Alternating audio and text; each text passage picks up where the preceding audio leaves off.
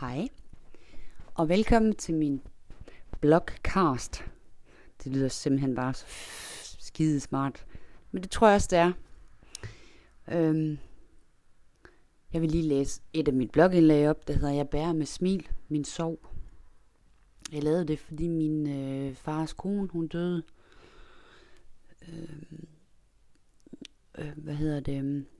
Og, og det sætter selvfølgelig nogle tanker i, i gang hos mig, fordi at jeg har, hun har været i mit liv i 40 år. Altså, jeg var tre år, da mine forældre blev skilt, så derfor så har hun bare været der altid. Jeg tror, de fleste, fleste mennesker kender salmen. Jeg smager, jeg smager, jeg bærer med smil min byrde.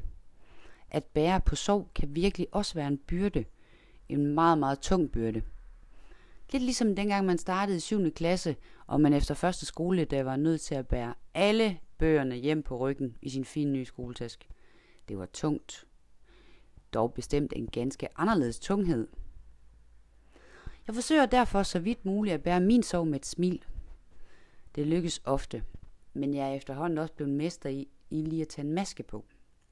Masken er nødvendig indimellem for ikke at blive kvalt i sorgen. Tænk, hvis folk vidderligt kunne se mine tanker.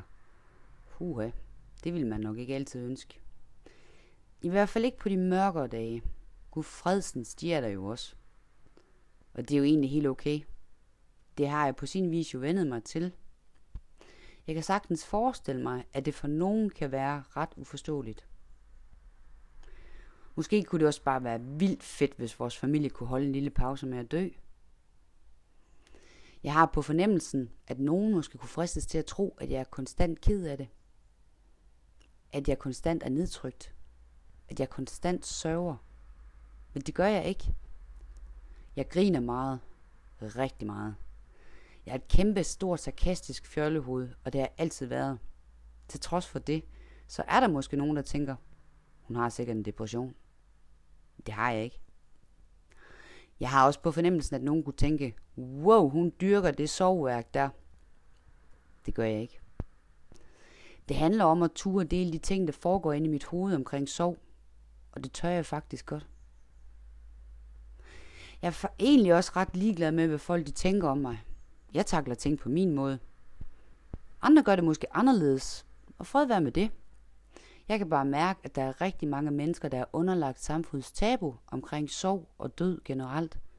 Og det gør mig virkelig trist. At vi faktisk ikke kan tale åbent om noget, der er lige så høj værdi som kærlighed. Død, sorg og kærlighed hænger jo unægteligt sammen. Nej, lad os kun tale om alt det gode og det overfladiske, og det der dyb, det er jo, så skide farligt. Jeg siger bare, tal om det. Der er så meget andet, vi tiger ihjel i det her samfund – og så skal vi jo spørge os selv, om der er kommet noget godt ud af det.